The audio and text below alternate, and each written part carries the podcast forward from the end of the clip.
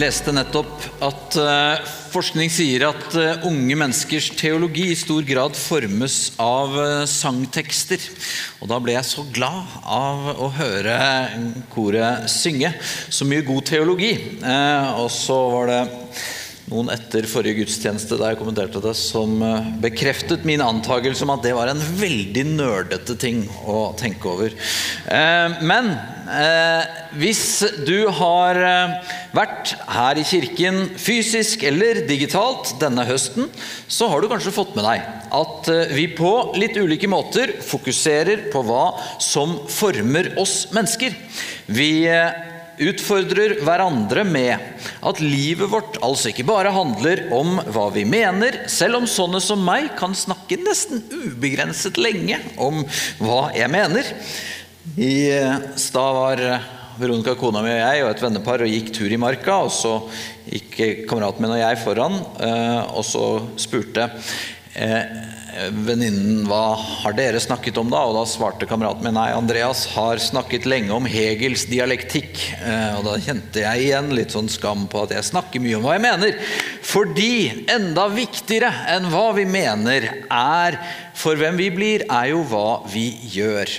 Og Derfor så har vi de siste søndagene snakket om bønnen og gått igjennom bønnen Vår Far, som Jesus lærte oss å be.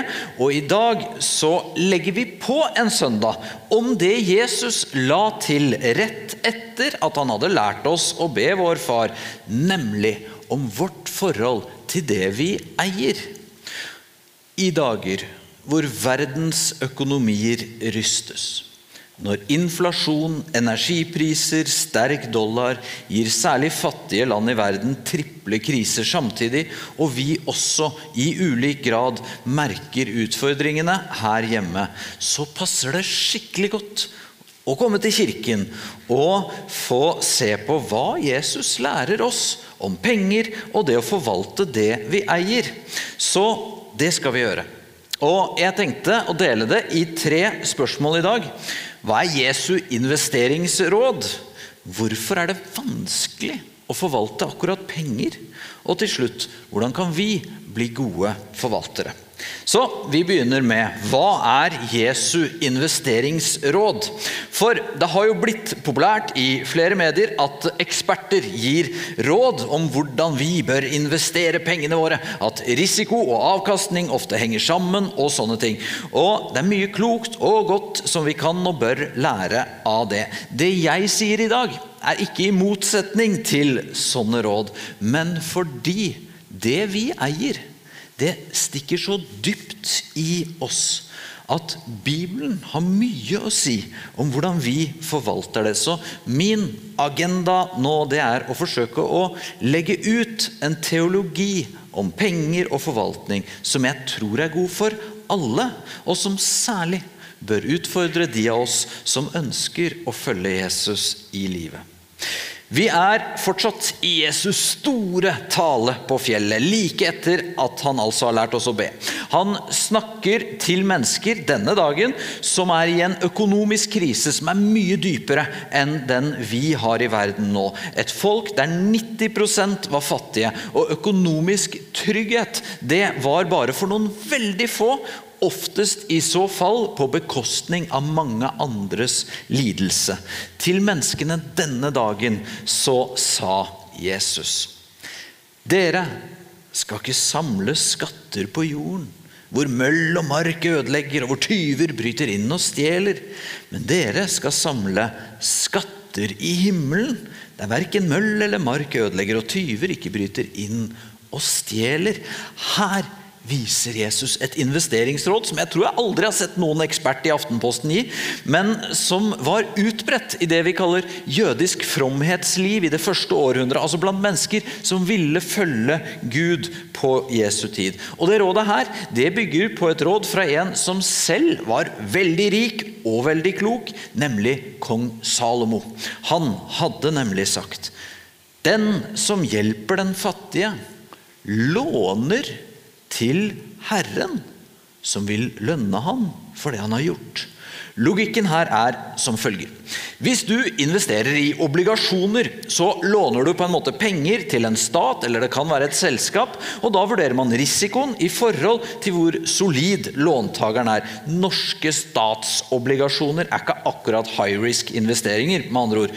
Men Salomos investeringsråd var altså at den som gir penger til fattige, eller de som trenger det, låner til Gud.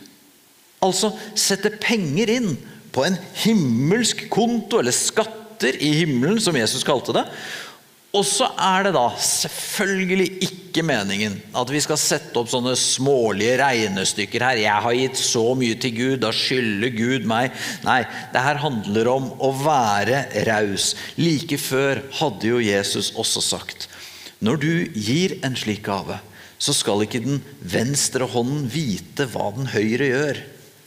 Og Det handler altså om at det er ikke noe sånn beregnende matematikk, dette her, men en oppfordring til å være raus og gi, og vite at når vi gjør det, så driver vi samtidig og investerer i skatter i himmelen. Og så kan vi jo vurdere, da, som med obligasjoner, hvor solid låntaker tror vi egentlig Gud er. Hvilken eh, rente gir Gud? Men hvorfor trenger vi å gjøre det? Altså, trenger, trenger Gud penger, liksom?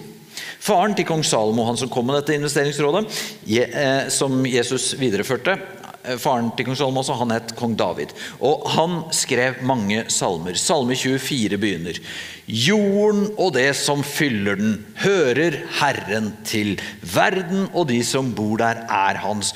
Gud er den rikeste av alle. Han er den eneste som med rette kan si som en sånn grådig treåring på lekeplassen 'Alt er mitt'. Sånn sett så er det jo litt rart at Gud trenger å låne penger, men det er jo ikke for hans del, men at Gud vil at pengene våre skal gå til det som er Guds agenda og vilje på jorden. Så altså Jesu investeringsråd er å låne til Gud og samle skatter i himmelen. Men så vet vi alle sammen at dette er vanskelig. Og da kommer vi til spørsmål to. Hvorfor er det vanskelig å forvalte akkurat penger rett? Er det fordi det egentlig er galt å eie penger? I hvert fall mye penger? Nei, jeg vil si nei. Bibelen er full av rike folk som tjener Gud med det de eier. Og den samme Salomo skriver at én frukt av visdom kan nettopp også være velstand. Salig er den som finner visdommen og vinner forstand. Det er klassisk Salomo. Og så fortsetter han. Langt liv holder hun i sin høyre hånd, og i sin venstre rikdom og ære. På veiene hennes er det herlig å vandre, alle hennes stier fører til fred. Så penger, til og med rikdom, er ikke galt i seg selv. Tvert imot, det kan være en god frukt av visdom. Likevel er Bibelen tydelig på at det er vanskelig å forvalte penger rett. Og ofte ekstra vanskelig hvis vi har mye penger. Vi rike advares mot det. Og jeg sier vi rike. For i lys av historien og fra et globalt perspektiv er de aller fleste av oss ganske rike. Jesu lillebror Jakob dirrer mot de rike som ikke forvalter penger riktig. Han sier, og hold deg fast før vi leser Og nå, dere rike, Gråt og klag over all den ulykke som skal komme over dere. Rikdommen deres råtner, og klærne blir møllspist. Gull og sølvet ruster bort, og rusten skal vitne mot dere og fortære kroppen deres som ild. Dere har brukt endetiden til å samle skatter.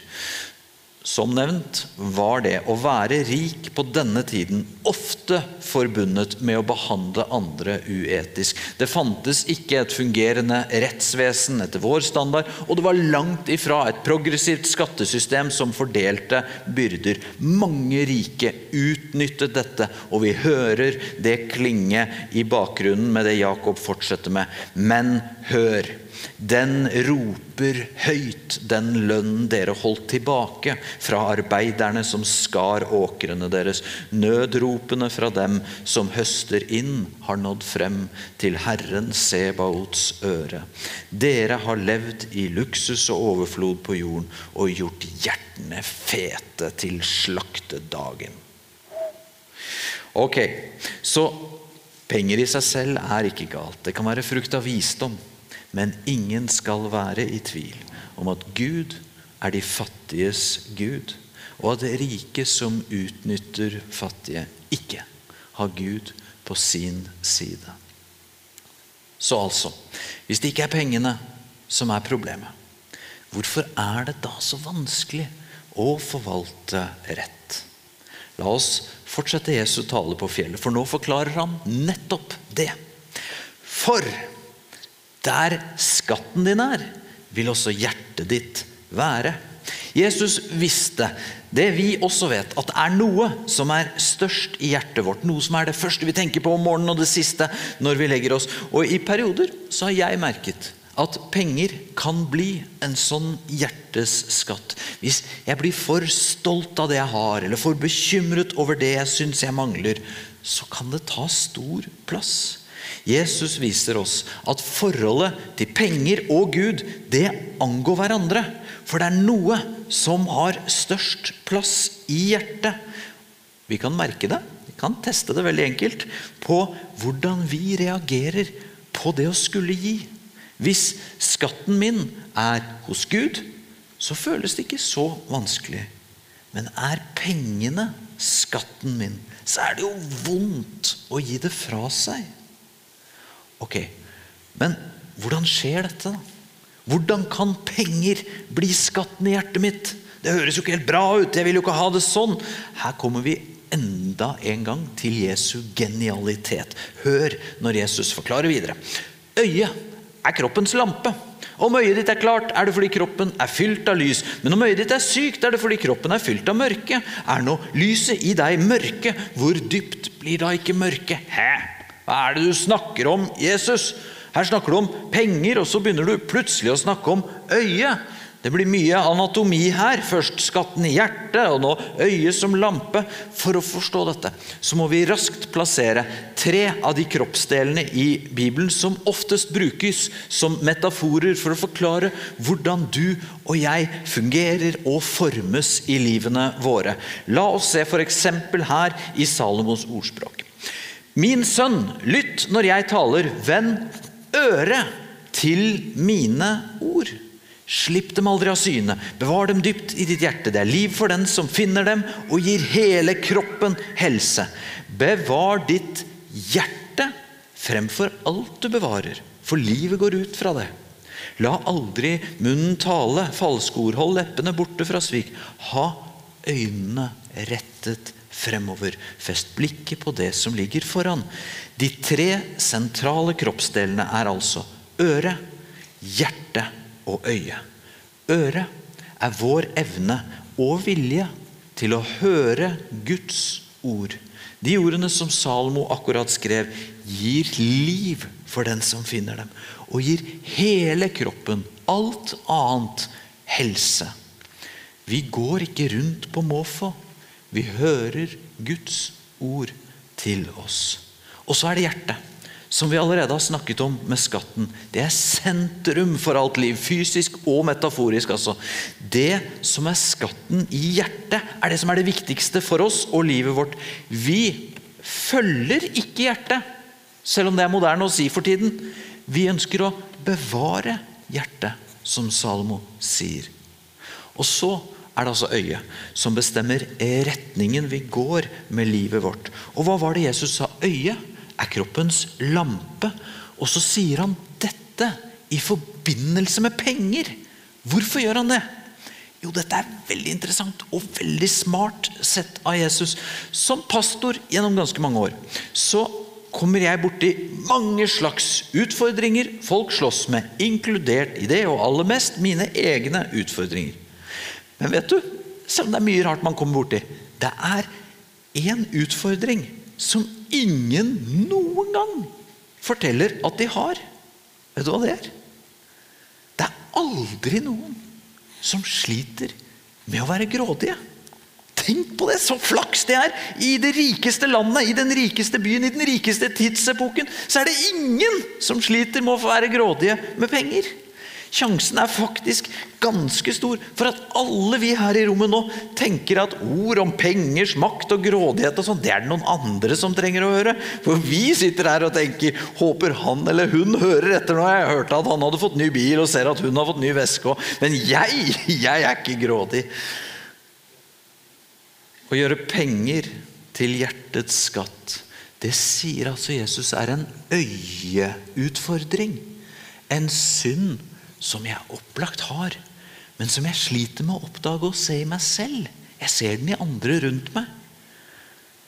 Og hvorvidt jeg ser, det vil jo gjøre så mye med retningen livet mitt går. Så med hører vi Guds ord til oss.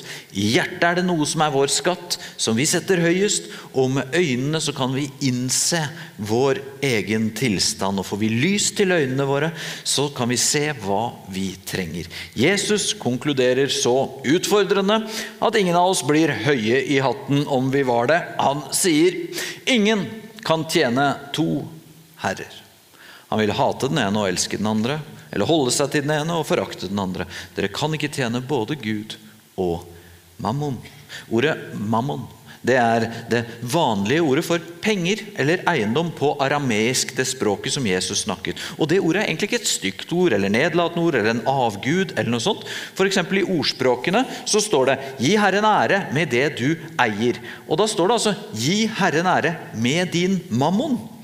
Men hvis ordet bare betyr eiendom eller penger, Hvorfor er du så streng da, Jesus? Jesus er ikke sint her. Det er viktig å si. Eh, det er forresten Jesus veldig sjelden, og bare på religiøse ledere. Sånn eh, Jesus sier det han sier her, i kjærlighet, for han kjenner oss. Så hva er Jesu investeringsråd? At vi låner til Gud i betydning gir. Gud er rik, han trenger ikke å låne fra oss, men vi har godt av å gi av det vi eier. Hvorfor er det så vanskelig å forvalte penger rett? Fordi penger så lett har en så stor plass i hjertet vårt, og fordi øynene våre så lett blir blinde for å se det.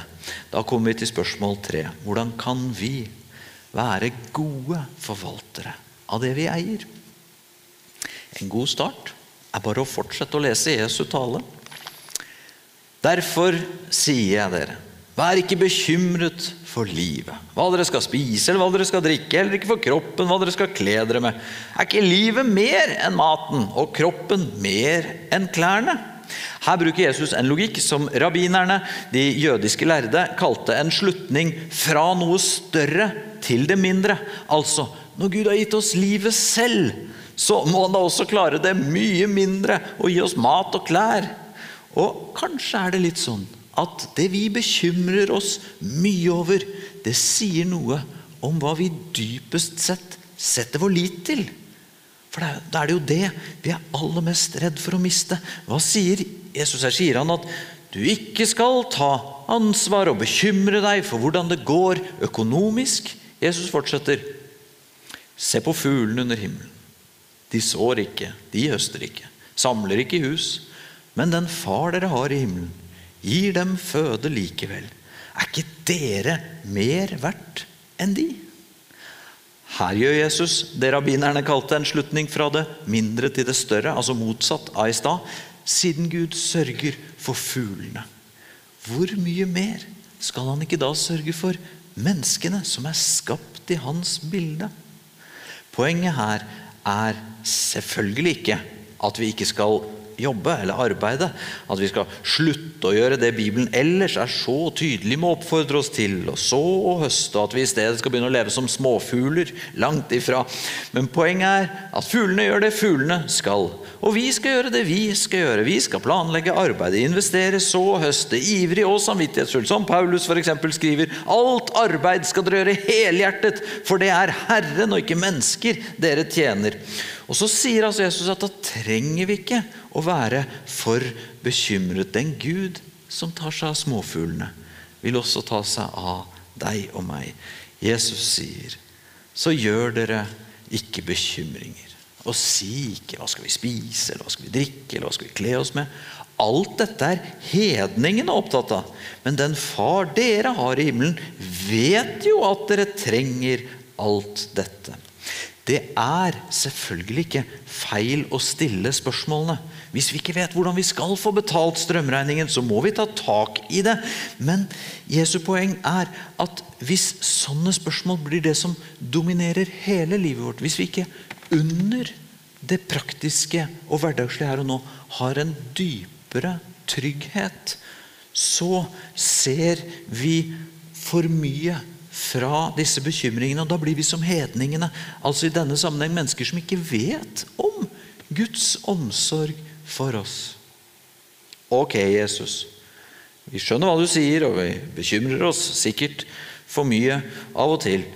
Men det føles litt sånn billig å si 'ikke vær bekymret', liksom. Hvordan gjør vi det her? Hvordan kobler vi det store bildet av Gud som har skapt alt liv, og dermed at våre bekymringer er små i forhold, eller det lille bildet at når Gud tar seg av småfuglene, så har han omsorg også for meg. Hvordan gjør vi det? Jesus konkluderer. Søk først Guds rike og hans rettferdighet. Så skal dere få alt det andre i tillegg. Det er definisjonen på en god deal. Så hvis vi bruker øret og lytter inn til Guds ord til oss, f.eks. når Paulus forteller dere kjenner vår Herre Jesu Kristi nåde. Enda han var rik, ble han fattig for deres skyld. Så dere skulle bli rike i hans fattigdom. Hvis øret vårt hører de ordene der, lytter inn det vakre i det Jesus har gjort for oss, at vi var så mye hans hjertes skatt at han frivillig ga fra seg alt annet for å redde oss. Hvis vi hører på det øret, da blir Jesus mer og mer vårt hjertes skatt også. Vi var hans hjerteskatt. Han ga seg for oss. Han blir vår hjerteskatt fordi vi ser lyset som skinner fra det. Og de gode nyhetene om Jesus. Hvis Jesus blir mitt hjerteskatt, da mister pengene makt inni meg. Og så blir øynene mine og dine lysere. For da ser vi at det er så mye annet av det vi bekymrer oss for å drive med, som ikke kommer til å vare. Og så blir det større og større for oss at vi har muligheten til å investere i noe som er for alltid. Skatter i himmelen og så begynner vi å praktisere Jesu investeringsråd om å låne til Gud, om å gi, om å være rause, ikke at uh, venstre hånd vet hva høyre hånden gir. Og så lever vi friere og med mindre bekymringer. Og det er jo det Jesus beskriver som løsningen for hvordan vi blir gode forvaltere. At vi søker Guds rike først. At vi hører Guds ord til oss og ser det vakre i evangeliet. Og så får vi tidenes deal, for da får vi alt det andre i tillegg. Han har jo til og med omsorg for småfuglene. Så oppsummering. Jesu investeringsråd er at vi låner til Gud, at vi gir.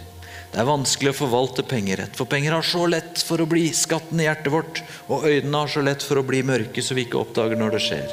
Men løsningen for å være gode forvaltere er å søke Guds rike først, og se hva Jesus har gjort for oss. Så vil vi få det andre i tillegg. Skal vi be sammen? Gud, eh, tusen, tusen takk for at du, du ble fattig og at vi gjennom det fikk bli rike. Takk for alt som vi har fått, og først og fremst og aller mest takk for livets gave. Nå ser du oss som sitter her, og du ser vår, vårt forhold til det som vi har snakket om nå. Eh, de eh, tingene som vi er takknemlige for.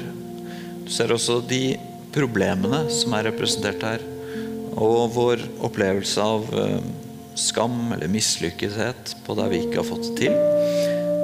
Vi overgir hele livet vårt i dine hender, og også dette som handler om penger og økonomi. Gjør oss til gode forvaltere av det som er i våre hender. I Jesu navn.